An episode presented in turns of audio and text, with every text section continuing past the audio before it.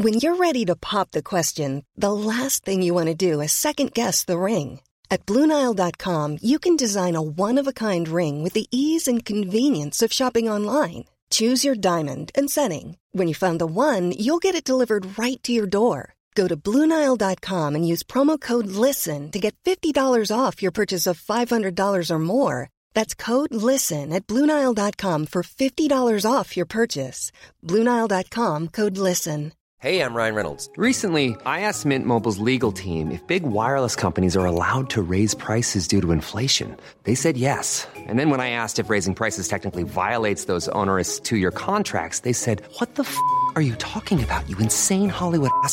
F- So to recap, we're cutting the price of Mint Unlimited from $30 a month to just $15 a month. Give it a try at mintmobile.com slash switch. $45 upfront for three months plus taxes and fees. Promo for new customers for limited time. Unlimited more than 40 gigabytes per month. Slows. Full terms at mintmobile.com.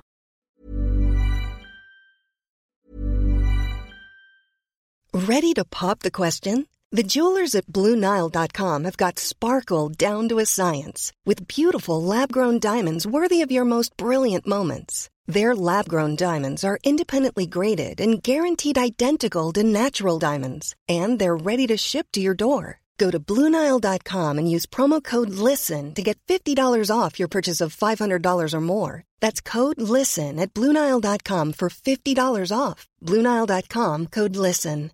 Introducing Wondersuite from Bluehost.com. Website creation is hard, but now with Bluehost, you can answer a few simple questions about your business and get a unique WordPress website or store right away. From there, you can customize your design, colors, and content. And Bluehost automatically helps you get found in search engines like Google and Bing. From step-by-step guidance to suggested plugins, Bluehost makes WordPress wonderful for everyone. Go to bluehost.com/wondersuite. Hva kan du gjøre eh, om du føler at jobben ikke er givende? Kjente problemstillinger som har med karriere å gjøre. Hvordan du kan skaffe deg drømmejobben? Gode tips på veien. Få bedre lønn? Hvor mange kaffekopper det faktisk er greit å ta i løpet av en arbeidsdag? Hei og velkommen til episode to av Karrierekoden. Eh, takk for sist, Elise. Jo, takk for sist. Går det bra? Ja, vil jeg si. Ja. Har du smiska noe mer med Bertil eller andre sjefer? Ja, jeg føler nå blir det litt uh, unaturlig å drive og hente kaffe, så det har jeg Ja. droppa helt. Jeg har faktisk henta kaffe noen gang, men uh, jeg håper ikke det oppfattes som smisk. Nei, jeg er litt sånn, ser jeg ikke noe gevinst i det, så dropper jeg det. ja, ja. De ser gjennom det uansett. Ja, det her er jo episode to av en helt ny podkast. det er nå to uker siden vi slapp første episode, og det vil også være tida mellom hver episode. Vi slipper altså episoden hver tirsdag, annenhver uke. Eh, og i dag skal vi snakke om herskerteknikker. Altså, hva er en herskerteknikk, og hvordan parerer du dem som bruker de teknikkene mot deg? For det er ofte litt vanskelig når en opplever det. Ja, jeg har hørt mye om hersketeknikker, Ja. og så har jeg på en måte en forståelse for hva det er, men jeg er ikke helt sikker på hvilke typer som finnes, og hvordan merker jeg at noen bruker dem mot meg. Vi har møtt en som stadig opplever det her i jobben sin. Men før vi skal snakke med han, kan ikke du bare forklare litt For du har prøvd i hvert fall å lese deg litt opp på hersketeknikker, eh, Jon Roar. Kan du ikke forklare de ulike typene som finnes? Ja, jeg tror det er kjekt å vite litt om dem. Altså, det er skrevet flere bøker om emnet, og det finnes forskjellige definisjoner. Men Berit Aas var først ute med fem hersketeknikker som hun definerte. Eh, og nummer én er usynliggjøring. Det er når noen overser deg med vilje, f.eks. med å ikke ha blikkontakt med deg i en samtale med flere. Eh, nummer to latterliggjøring. Det er når du blir ledd av eller håna. Det kan f.eks. være bemerkinger som 'ja, men lille venn, alle vet jo at det er feil'. Eh, nummer tre tilbakeholdelse av informasjon. Det er når noen i gruppa f.eks. snakker høyt eh, om eh, f.eks. fredagspilsen, men du har ikke hørt noe om denne pilsen. Eh, fire fordømmelse uansett hva du gjør. Det sier seg nesten seg sjøl. Altså, uansett hva du gjør, så er det feil. Eh, og til sist påføring av skyld og skam. Det kan f.eks. være eh, at du blir inntrykk av at du ikke leverer tilstrekkelig, og at det bærer de feil. For å slå tilbake mot de her eh, hersketeknikkene, så har vi reist eh, til eh, Marienlyst for noen tips. Espen Aas han er programleder i debattprogrammet Dagsnytt 18. Eh, han opplever stadig dette blant debattanter og mot seg sjøl. Og han har særlig ett tips til hvordan man svarer. Her er det vi tok opp der. Du har gjort litt av hvert, men du er kanskje mest kjent for å være programleder i eh, Dagsnytt 18? Ja, det er i hvert fall det jeg gjør nå for tiden, mesteparten av tiden. Så er det aldri godt å vite hva man blir mest kjent for. Eller minst. Hva er egentlig en hersketeknikk? Ja, øh, og det er jo Det var jo Berit Aas i sin tid som på slutten av 70-tallet vel er hersketeknikk-gjenkjennelsens mor. Men alt handler jo egentlig om å gjøre den andre mindre enn det den i utgangspunktet øh, er. Men vinner man noe på å bruke en hersketeknikk, eller? Det spørs jo litt noen ganger. Altså, hvis du klarer å sette en programleder litt ut av stilling og liksom rive løs Nå var det for så vidt ikke en hersketeknikk, men sånn en av de mest omtalte Dagsnytt 18-sendingene i løpet av det siste året eller noe sånt, var jo da jeg hadde en, en komiker fra NRK Satiriks uh, i studio som uh, skulle ordne da en, en sketsj til sitt eget program. Uh, det var for så vidt ikke en hersketeknikk det, men en av de andre som jeg hadde i studio, ble, som i utgangspunktet ikke ville dit, som jeg hadde overtalt veldig lenge for å komme dit, brukte da en som jeg tenkte ah, den var fiffig, for da fikk jeg en beskjed fra kontrollen, for det var kjempekaos her. Etter det stuntet i studio så fikk jeg en beskjed fra vaktsjef som snakket til meg på øret, og da er det bare jeg som sitter med mine hodetelefoner som hører den beskjeden. Men vedkommende så at jeg var uoppmerksom. Så sier han nå syns jeg kanskje programleder skal følge litt mer på hva som skjer her i studio. Oi, oi, oi. Eh, og det var jo en veldig eh, herskete teknikk. Og den, da var det så mye kok at jeg egentlig bare ignorerte den og fortsatte da å være programleder. Men jeg tenkte etterpå nei, kanskje jeg burde spurt hva mener du med det? Hva, hva vet du om hva jeg gjorde nå? For å eh, satt eh, vedkommende litt ut. Ja, for man blir, jo, altså, man blir jo litt sånn paff når man eh, mottar eh, sånne ting. Og så tenker man gjerne i ettertid jeg skulle ha sagt det, jeg skulle ha sagt det, ikke sant? Etterpåklokskapen. ja, på. det er sånn. Eh, har du noe spesielle råd til hva en bør svare? Det avhenger litt av hvilken hersketeknikk man utsettes for. Men en, eh, et grep som fungerer veldig godt, enten det er en sånn setting, eller kanskje enda mer i litt mer sånn skjulte uh, sammenhenger, hvor ikke så mange hører på, er jo å be folk om å gjenta det. Og spørre 'hvorfor sier du det?' eller 'hva sa du nå?' Mm. Og hvorfor lurte du på det? Mm. For det å gjenta en sånn hersketeknikk eh, en gang til, da må du stå litt for den, og da er det lettere å heller eh, skygge litt eh, unna. Og i vår profesjon, da, som for så vidt folk slipper å være i, men, men innenfor politikk, journalistikk, så er jo hersketeknikker utrolig vanlig, også i den vanlige jobbsammenhengen. Eh, det er hvis man kan kanskje dumme ut en kollega ved lunsjbordet på et redaksjonsmøte. Hvis man da i stedet for å bite seg i leppen, stopper opp og ber vedkommende om å gjenta det hun eller han eh, akkurat har sagt, så kan det bli eh, hvor du tar tilbake eh, makten.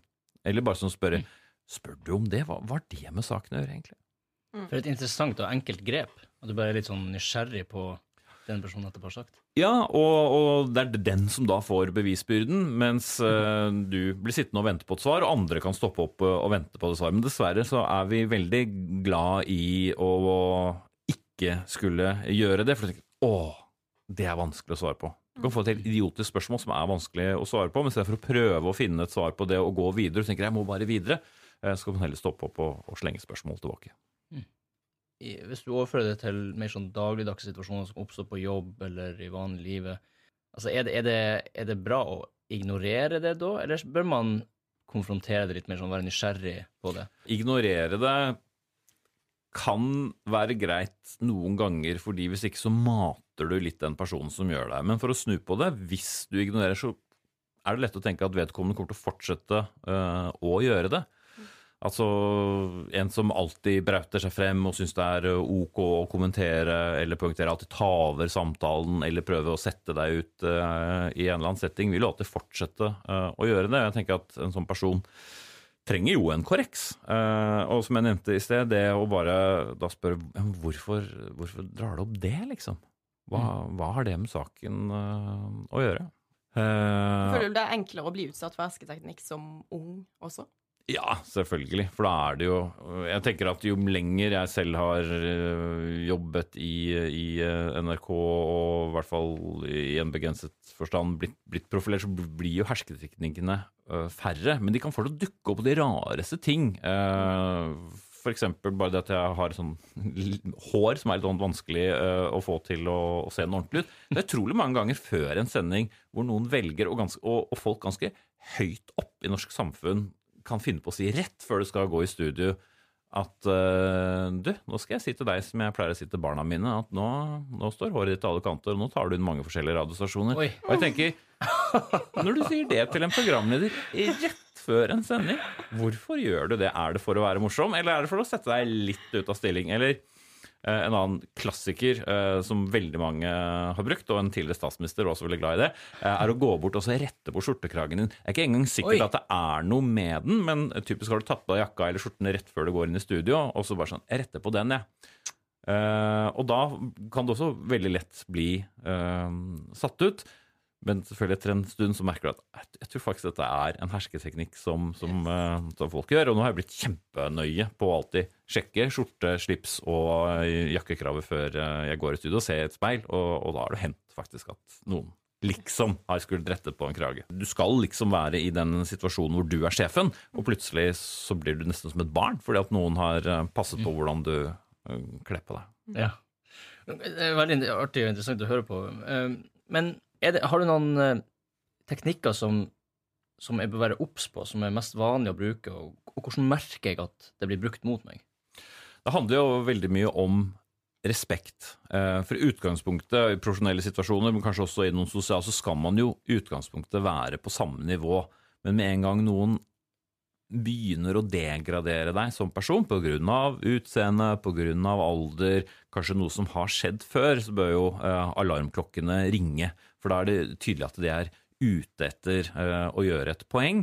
Eh, og det er mye lettere å, forstyrre den balansen ved å degradere deg enn å prøve å fremheve seg selv, som jo også mange er selvfølgelig veldig glad i. Sånn der, eh, ja, ja, jeg har jo selv vært i 500 debatter, eller ja, deg har jeg aldri møtt som programleder. Altså, det er altså en sånn typisk sak som kom. Det er i hvert fall all grunn til å være på vakt. Men et veldig sånn godt triks, eh, og som for så vidt også egentlig er en hersketeknikk, er hvor du fester blikket. Nå mm, er dere to, da, så jeg veksler litt med å se dere inn i øynene. Men hvis jeg eksempel ser mellom øynene dine, liksom over øyenbrynene dine, så vil du aldri få sånn helt kontakt med meg når vi snakker, mens jeg kan være helt, helt rolig, for du kan ikke kontrollere meg med blikket i hele tatt. Jeg lar blikket stå der, ingen andre vil merke det, men du vil etter en viss stund føle et ubehag ved at ikke jeg ser ordentlig på deg, og jeg tar deg ikke eh, alvorlig.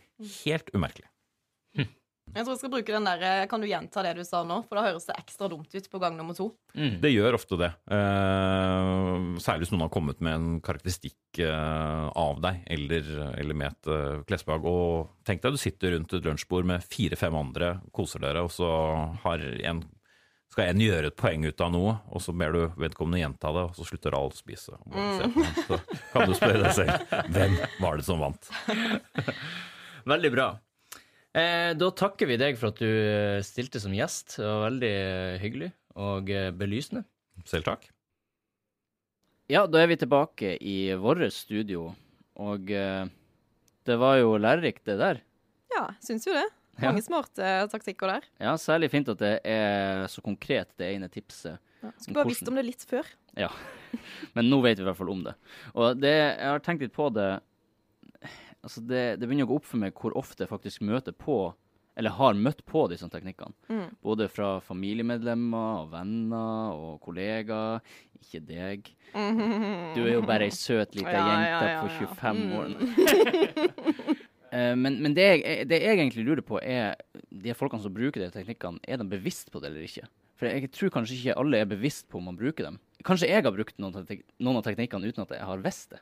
Ja, det kan godt hende, det.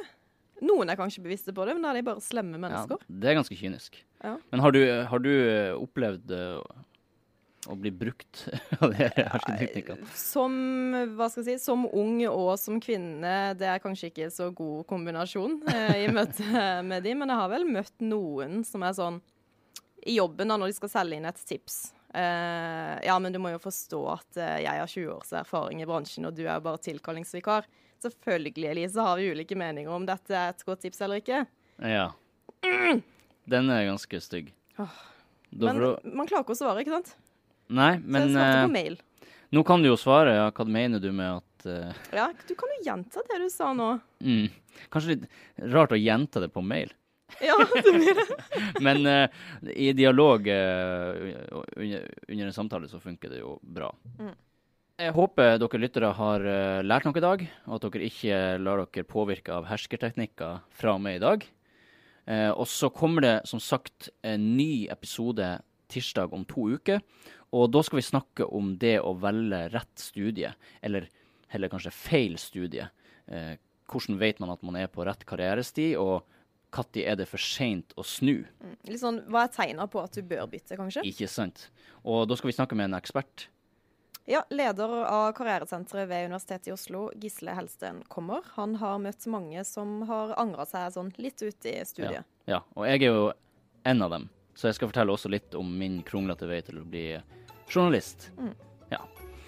Så få med deg neste episode på tirsdag om to uker. Vi ses. Ha det fint.